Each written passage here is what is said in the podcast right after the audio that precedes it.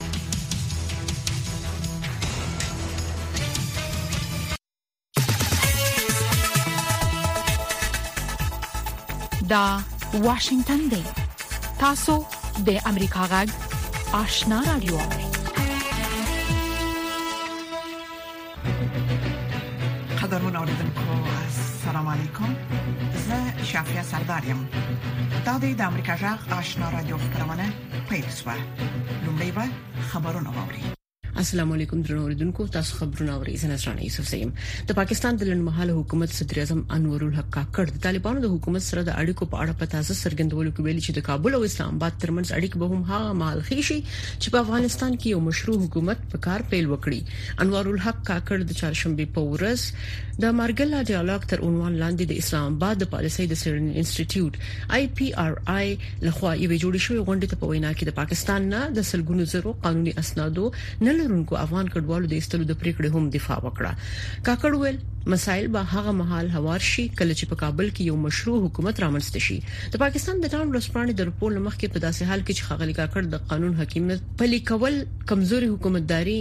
نیابتي جګړه، کمزوری اقتصاد او بشري انکشاف ته کمه ترجیح ورکول پاکستان کې د دننه لانجې د عواملو په توګه یاد کړل او وویل چې غیر دولتي بانفوذه کسان دغه هیواد ته امنیتي ګواښونه ولاړوي د طالبانو د حکومت مرستیال ویاند بلال کریمي وایي چې د پاکستان نه د افغانستان ته د طالبانو کډوالو د ستنېدلو بهیر په ترڅ کې په تیرو دوه اونیو کې د چمن سپین بولدک لارې اووه سوه دوه دېرش اعشاریه اته اویا زره دوه سوه افغان کډوال خپل هېواد ته ستانه شوي دي. بلال کریمي د ایکس پر ټولنیزه شبکه کې په خپل پاڼه د دغو ستنو شوو کورنیو شمېر، دوولس زره څلور سوه دېرش تنه، ښودلی او ویلي دي چې له دغو کورنیو سره افغانستان ته د ستنېدلو وروسته اړینې مرستې شوې دي. ښاغلي کریمي وویل، د روان دوه زره درویشتم میلادي کال د نومبر میاشتې له لومړۍ نېټې نه تر پنځلسمې نېټې یعنې تر پرون ورځې پورې د سپین بولدک له لارې دوولس زره څلور سوه دېرش کورنۍ چې د افرادو شمېر یې شاوخوا څلور اتیا زرو تنو ته رسېږي، د خپل هېواد نه راستانه شوي دي. د چهارشنبې په ورځ نومبر پنځلس مه په تورخم او چمن کې پاکستاني سرچینو امریکا غږ ته ویلي وو چې د روان کال د سپټمبر د نیمایي څخه تر تېرې ورځې پورې د چمن سپین بولدک له لارې شاوخوا نوي زره افغان کډوال او د تورخم له لارې دوه سوه اته زره تنه افغان کډوال له دغه هیواد نه خپل وطن ته ستانه شوي دي. د ملګرو ملتونو د بشري مرستو د همغږۍ دفتر اوچا وایي چې د هرات ولایت د تیرې میاشتې د زلزله ځپلو کورنیو د اړتیاو د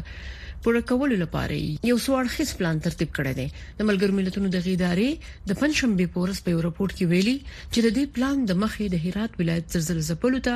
د ملاتړ د برابرولو لپاره یو سل درې اویا میلیون ډالرو ته ضرورت لري. د ملګرو ملتونو د بشري مرستو د همغږۍ دفتر اوچا ویلي چې دا پیسې په زلزله ځپلو سیمو کې د خلکو د فوري اړتیاو د پوره کولو لپاره اړینې دي. اوچا ویلي چې په هرات کې د سختو زلزلو وروسته زلزله ځپلي د سرپناه، خوړو، نقدو مرستو، څښلو پاکو اوبو، حفظ الصحي موادو او بیړنیو روغتیايي خدمتو ته په اضطراري ډول اړتیا لري. د ملګرو ملتونو د بشري حقوقو عالی کمشنر والکر ټرک د پنځشنبه په ورځ نومبر 14مه په غزه کې د جګړې په مهال د اسرایل او حماس لخوا د بشري قوانینو نه د سرغړونو په اړه د پراخو نړیوالو پلټنو غوښتنه وکړه هغه په جنیو کې د وی خبري ناستې په مهال ویل د بشري حقوقو لنړیوال قانون نه د زیاتو سرغړونو رپورټونه ورکړل شوي چې بشپړي پلټنې او هر اړخیز حساب ورکولو ته ضرورت لري هغه په جنیو کې د یوې خبري ناستې په مهال ویل د بشري حقوقو د نړیوال قانون نه د زیاتو سرغړونو رپورټونه ورکړل شوی چې بشپړې پلټنې او هر اړخیز حساب ورکولو ته ضرورت لري خغلی ولکر ټرک تیر اونۍ منځني ختیځ ته د خپل سفر وروسته د سرګندونې وکړې چې د په وینا دوه لوري په جګړه کې جنگي جرمونه کوي هغه همدغه راز په لویدیځه غاړه کې د فلسطینیانو په وړاندې د تاوتریخوالي د زیاتېدو په اړه ژوره اندېښنه څرګنده کړه. په داسې حال کې چې د اسراییل او حماس ترمنځ جګړه روانه ده او په برلین کې امنیتي چارواکو هڅه کوي چې په دغه هېواد کې د يهودانو په ضد د تاوتریخوالي مخه ونیسي، د جرمني سلګونه پولیسو د پنځشنبې په ورځ نومبر 14 مه د ایران د ملاتړ برخمن حزب الله ډلې سره د تړاو په تور یو شمېر ودانیو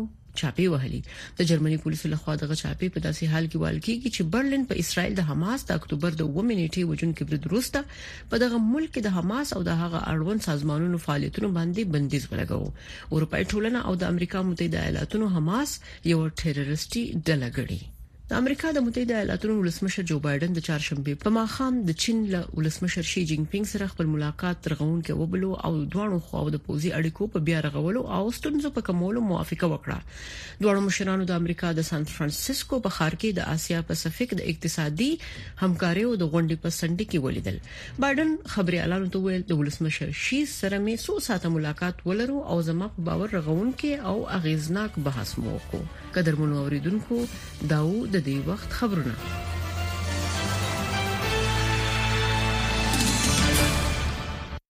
خبرونه مو د امریکا جغ آشنا رادیو څخه واوریدل درنو اوریدونکو زموږ په دې سهارنۍ پښتو خبرونه کې د افغانستان سیمه او نړۍ د اوسنوي حالات په اړه کې مهم مطالب لرو هله د خبرونه تر پای واوري لومړی به دا رپورټ واوري چې د طالبانو حکومت د ترکمنستان څخه د افغانستان د جوزجان ولایت شبرغان دشت الوان سره د 1500 ولټو د برېښنا د مزي د پاته برخې نښلولو یو تړون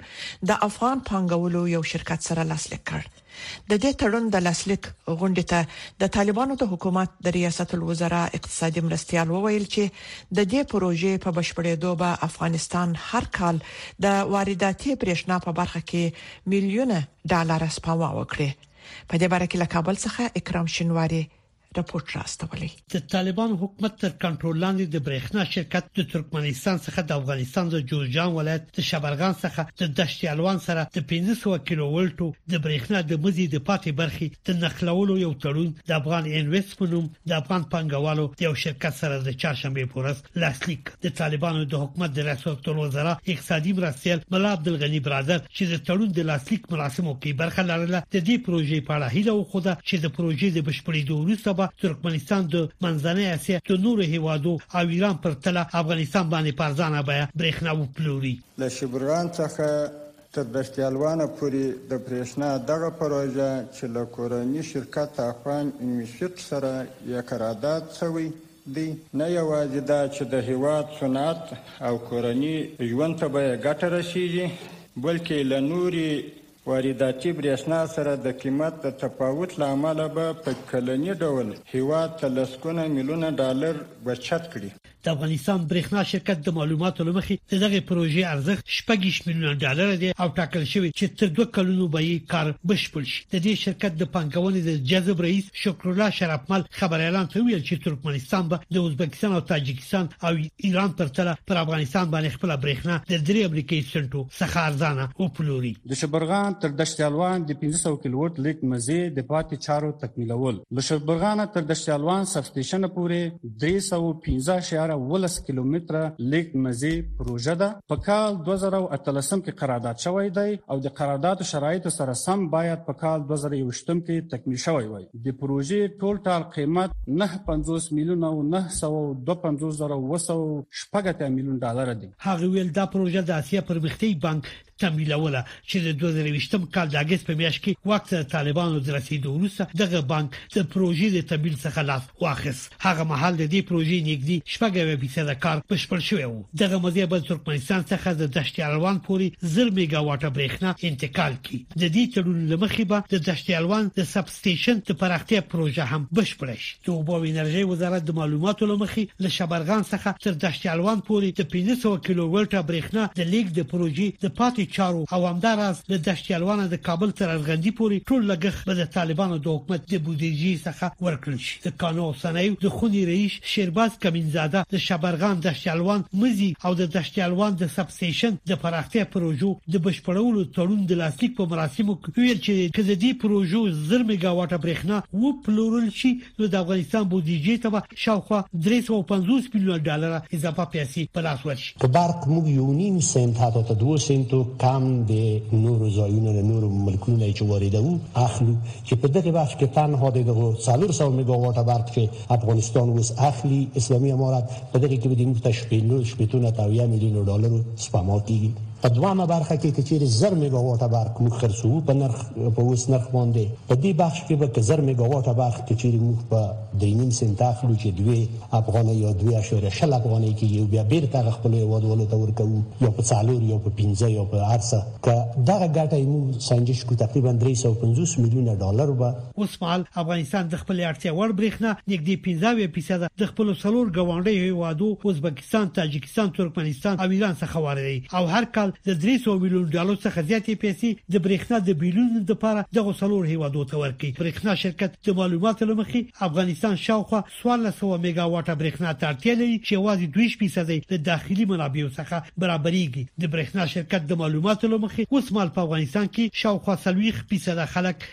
برېښنا ته لاسرسي لري انتظار پای ته ورسید ترنو لیدونکو او اوریدونکو تاسو کولی شئ د امریکا غا ټلویزیونی او رادیوي خبرونه د یاشر ساتلایت له طریقو وګورئ او واورئ د نوي سټلایټ لارې تاسو د آشنا اتصال او کاروان ټلویزیونی خبرونه کتلای هم شئ د امریکا غږ د افغانستان څنګه خبرونه په 398 چنل او د آشنا رادیوي خبرونه په 390 چینل کې اوریدلای شئ لملتيامو د تل پشان مننه دا د امریکا جغ آشنا رادیو ده د سې شنبه په ورځ د سوریې په ختیځ کې د فرات د ماموریت په نیم کیلومتر کې د څو توغندیو په برید سره د ایران پلوه وسله والو بریدونه پای ته نه دي رسیدلي. امریکا وايي د ایران د مخنیوي لپاره پر ستراتیژي کار کوي، خو ایا دا ستراتیژي د بې پیلوټه الوتکو او راکټونو د بندولو لپاره کافي ده؟ نور تفصیل په رپورټ کې واورئ. په دې ویډیو کې د سوریې په ختیځ کې د ایران د پوځ او د هغوی د ملاتړو لخوا د روزنې پر یو مرکز، د امریکا او روسیې برید خودلې کیږي دفاعي چارواکو د امریکا غاښته ویلي چې ایران په لوا وسلوالو د یوې میاشتې نه کم موده کې په عراق او شام کې لږ تر لږه شپږ پنځو ځله په امریکایي عسکرو بریدونه کړي دي او د یک شنبه د حمله نه وروسته لږ تر لږه 15 بریدونه کړي دي Is deterrence working? We feel that it is. آیا مخنیوی کار کوي؟ موږ احساس کوو چې کار کوي موږ فکر کوو چې دا جګړه به سیمه ته پراخه نشي د دې پوښتنې په جواب کې چې آیا تاسو فکر کوئ چې دوی پیغام ترلاسه کوي ځکه چې دوی بریدونو ته دوام ورکوي مرستيالي سبرینا سنگ وویل هغه بریدونه چې موږ تر سره کوو ایران او د دوی پورې تړلو ډلو ته د ودرولو لپاره په کلاک پیغام ورکول دي دا د دغو بریدونو موخه ده. د چارواکو په وینا د 50 څخه زیات امریکایان وظیفې ته د ستنېدو نه مخکې د بریدونو له امله جوبل شوي د سناتورانو یو دوه ګوندیزه ډلې د ایران د آی آر جی سي پر وړاندې د کوي خبرګون غوښتنه کوي که ایران په سوریه او عراق کې زموږ پوځیانو ته ګواښ ته دوام ورکړي، زما په اند د ایران دننه د سپاه پاسداران د روزنیزو اډو او زیربناوو په نښه کول به له پوځي پلوه سم ځواب وي. جنرال فرانک مکینزي په منځني ختیځ کې د امریکايي ځواکونو پخوانی قومندان امریکا غږ ته وویل، هغه پیغام چې امریکا په سیمه کې د خپلو ځواکونو د کمولو له لارې استولی، د ایران د زړورتیا لامل شوی دی. د دوی اصلي هدف له سیمې څخه د متحده ایالاتو وتل دي او همدا لامل دی چې دا بریدونه مخ په زیاتیدو دي. د امریکا غږ خبریاله کارلا بیب وايي، دوه دفاعي چارواکو امریکا غږ ته تایید کړه چې متحده ایالات په حقیقت کې د اربیل په هوايي اډه کې تیر میاشت د برید پر مهال ډیر خوشبخته وو. یو بې پیلوټه الوتکه چې په هوايي اډه کې غورځېدلې و، خو ونه چاودله. یو چارواکي وویل که دا بې پیلوټه الوتکه چاودلې وي کې دې شي ګڼ شمیر سرتیري وژلې یا زخمی کړي وي شیناز نفیس امریکا غږ واشنگټن متضاد اړخونه بیلابیل دریزونه د سپیناوي تود مخامخ بحث او په اخر کې قضاوت ستاسو پر مهمو سیاسي امنیتي اقتصادي او ټولنیزو مسایلو د افغانستان سیمه او نړۍ باندې د ژور چیډنیز بحث مهمه اونیزه خبرونه هایل د هرې جمعې په ورځ د افغانستان په وخت د ماخام ونیمونه تر اته بجو پورې د امریکا غږ د سټلایټ لارې په ژوندۍ بانه هایل د امریکا غږ د روانو چارو نوي ټلویزیونی خبرونه قدرمنو اوریدونکو د حماس له خوا نږدې دوه سوه او څلوېښت یرغل شوو کسانو چې ګومان کیږي په غزه کې ساتل کیږي د کورنیو غړو د هغوی د خلاصون لپاره له تل ابیب څخه تر بیت المقدس پورې پنځه ورځنی لاریون پیل کړی دی لاریون کوونکي د اسرایل له حکومت څخه غواړي چې د خپل دوستانو د خوشی کېدو لپاره لا ډیر څه وکړي نور تفصيل په رپورت کې واوري په اونۍ کې چې د يرغمل شوی کسانو کورنۍ په کړهونو کې تیروي ځکه د خپل عزیزانو په اړه هیڅ معلومات نه لري اوس دوی د بیت المقدس په لور روان دي یوال آران په کیبوتس بیری کې د ډلېزي وژن څخه روغ وتلی خو د دریو ماشومان په ګډون د کورنۍ وګړي يرغمل شوې دي زه ډیر اندېښمن یم تل درد ګالم او نور په کور کې کېناستای نسم باید یو څه وکړم او زه به د يرغمل سویو له نورو کورنیو سره په دې لاریون کې ګډون وکړم د شارلیویس لمسی نامه چې په لومړیو کې حماس پر ټولنیزو رسنیو کې ویډیو هم خبره کړې و تختول شوې ده شار وای حکومت ته د پیغام رسولو په مخه په لاریون کې ګډون کړي موږ په تل ابیب کې له موزیم څخه تر بیت المقدس پورې لاریون وکړ په دې هیله چې چارواکي او لومړی وزیر وګوري او پرې فشار راوړو چې بل هیڅ لار نسته یوازې دا چې ټول باید کورته راستانه سي اسرائیل په دې باور دی چې حماس او اسلامي جهاد يرغمل شوی کسان د روغتونونو په ګډون له ودانیو لاندې په تونلونو کې ساتي خو حماس دا تور رد کړی دی اوس موږ داسې یوې خونې ته داخلېږو چې موږ ګومان کوو یرغمل شوي کسان پکې ساتل کېدل، زه غواړم تاسو دا خونه وګورئ، یوازې پرده یې ځړولې بل هیڅ شی نشته، دیوال دی، پر دیوال د پردې ځړولو لپاره بل هیڅ دلیل نشته مګر دا چې له يرغمل شويو څخه ويډيو واخلي او ويې ليږي. د حماس او اسلامي جهادي ډلې چې متحد ایالات یې د ترهګرو ډلو په توګه پیژني په ټولنیزو رسنیو کې د يرغمل شوی کسانو ویډیوګانې خبرې کړې دي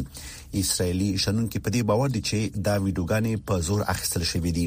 د حماس ډلې یو ویان په تازه خبرې شوی ویډیو کې ویلي چې غواړي د 15 ورځو اوربند او د اسرایل له زندان څخه د مرمنو او کوچنیانو د خوشکېدو په بدل کې مېرمنې، ماشومان او د پاخه عمر لرونکي کسان خوشې کړي. په تړون کې باید اوربند او د غزې تړانګې ته د بشري مرستو لېږد ته اجازه ورکول شامل وي، خو دښمن د دغه معاملې د بیې پرې کولو لپاره ځنډ کوي او تښتي. اسراییلي چارواکي وايي، دوی اندېښمن دي چې په پنځه ورځني اوربند کې به حماس بیا په وسلو سمبال شي او د اسراییل سره به جګړې ته دوام ورکړي دوی دا هم وایي چې د اوربند لپاره به سخت نړیوال فشارونه هم وي د يرغمل شوی کسان د کورنۍ غړي اندېښمن دي چې وخت له لاسه وځي او هیلمند چې د دوی د لاریون د اسرایل او نړۍ پام د يرغمل شوی کسانو بد وضعیت ته راوړوي او د هغوی د خوشکېدو هڅې لا نور هم ګړندۍ شي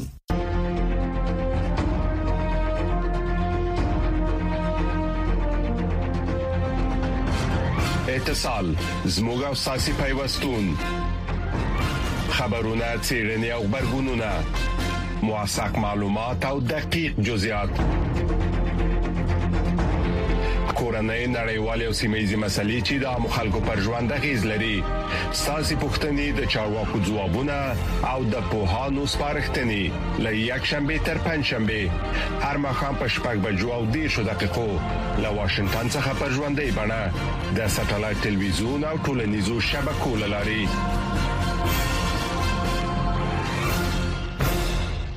رپورټونو ته دوام ورکوه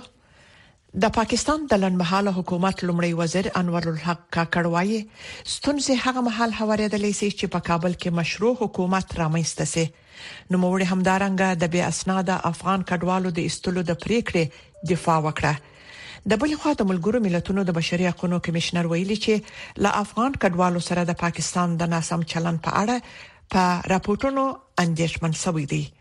نور حال په رپورت کې د پاکستان د لنمحاله حکومت لمړي وزیر انور الحق کاکړ د چهارشنبه په ورځ په اسلام آباد کې د مارګلی ډیالوګ په نامه وی غونډې ته د وینا پر مهال له هغه هواده د بیا اسناد افغان کډوالو د استلو لپاره دفاع کړې او ویلي دي ستونزې هغه مهال هوارېدل شي چې په کابل کې یو مشروع حکومت رامنځته شي پاکستانی رسنۍ ویلي کاکړ په دې وینا کې کورنۍ ستونزو ته د اشارې ترڅنګ زیاته کړې چې غیر دولتي کړۍ پاکستان ته امنیتي ګواښ متوجه کوي.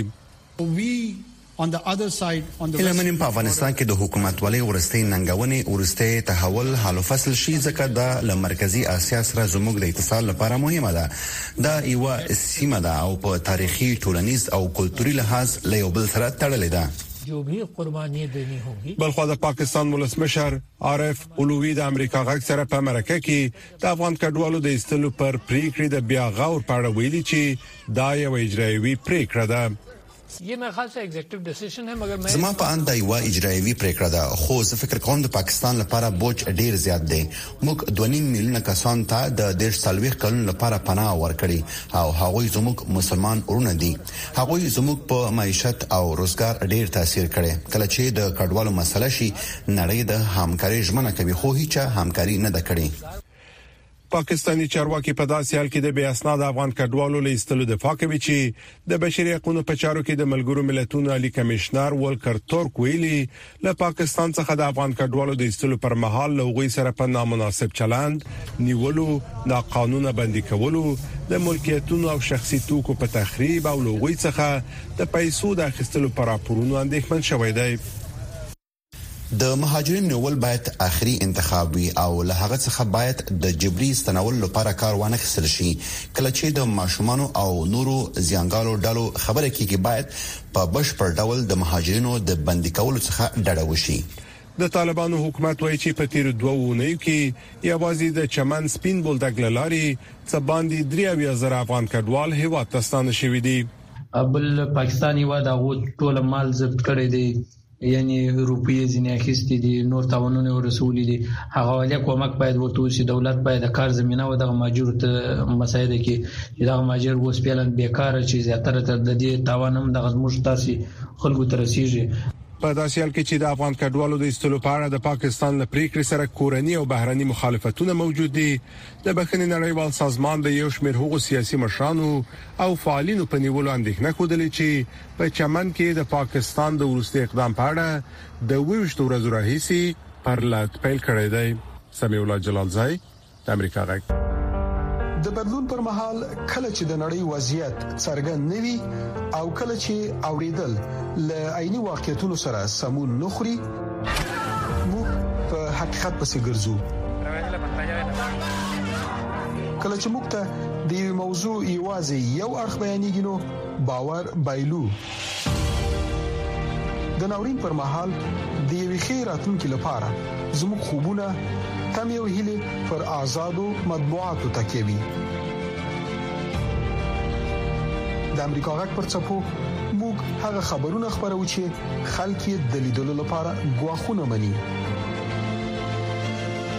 موږ نړۍ سره وصلوو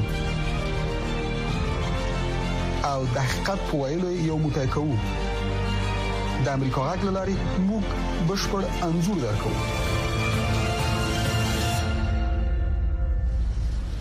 او پرون په سان فرانسیسکو کې د اسیا پاسفیک د اقتصادي غونډې په څنډه کې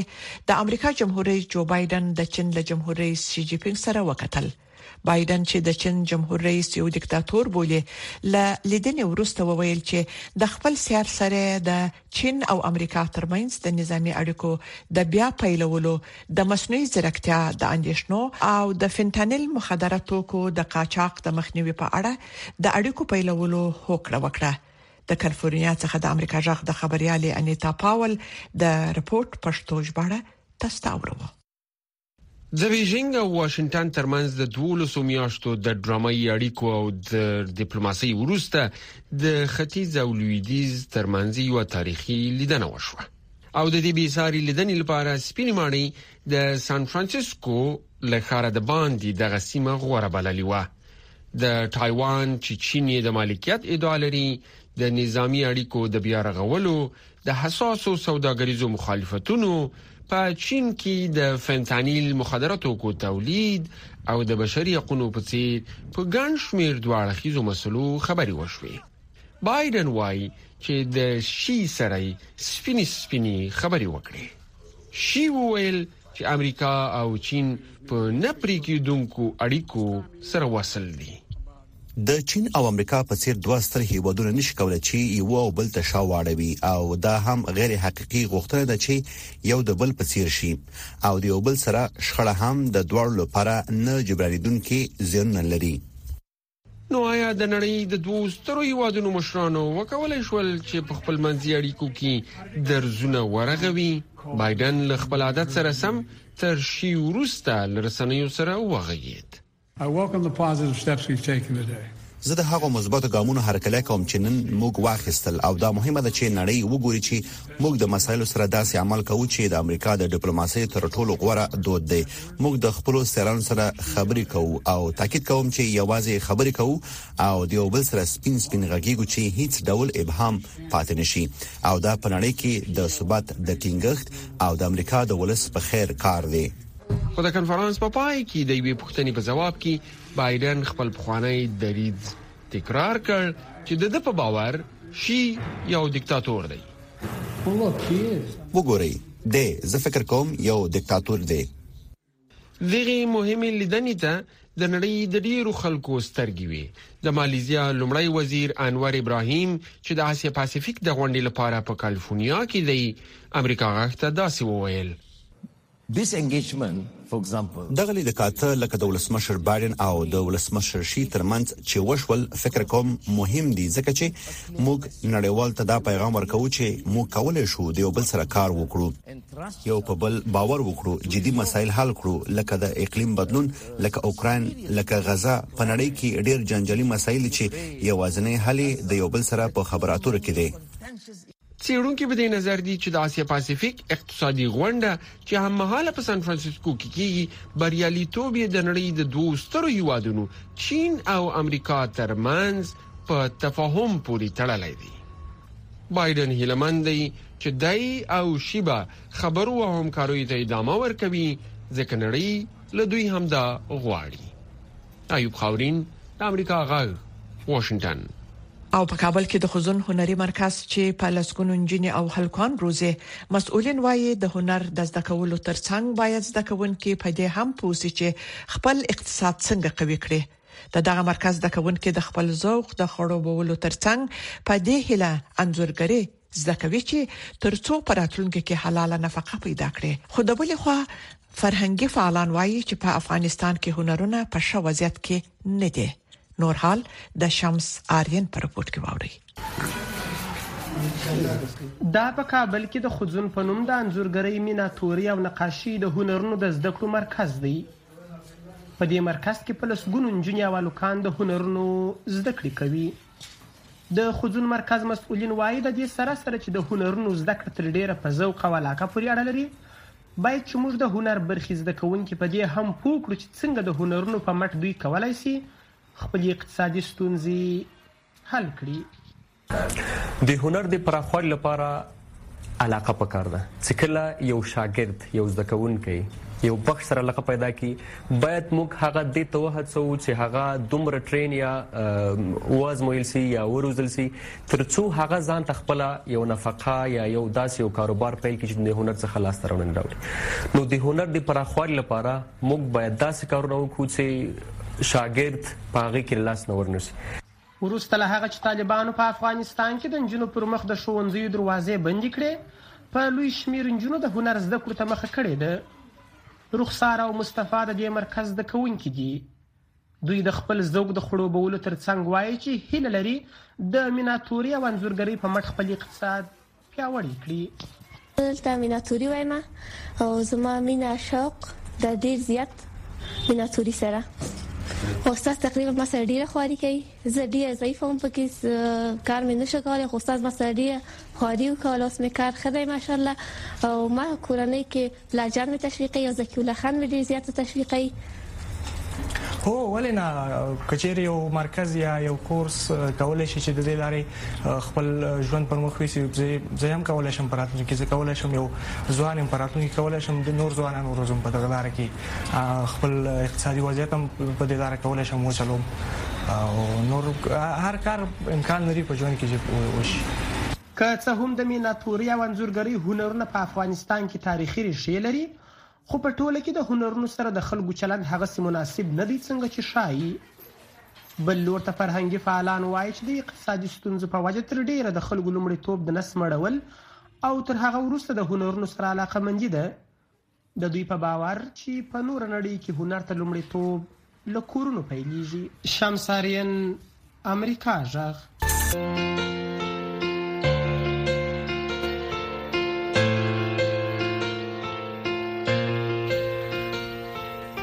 درنو لیدونکو زموږ د خبرونه په همدې ځای پای ته ورسیده د امریکا جغ آشنا را دوه خبرونه دوام لري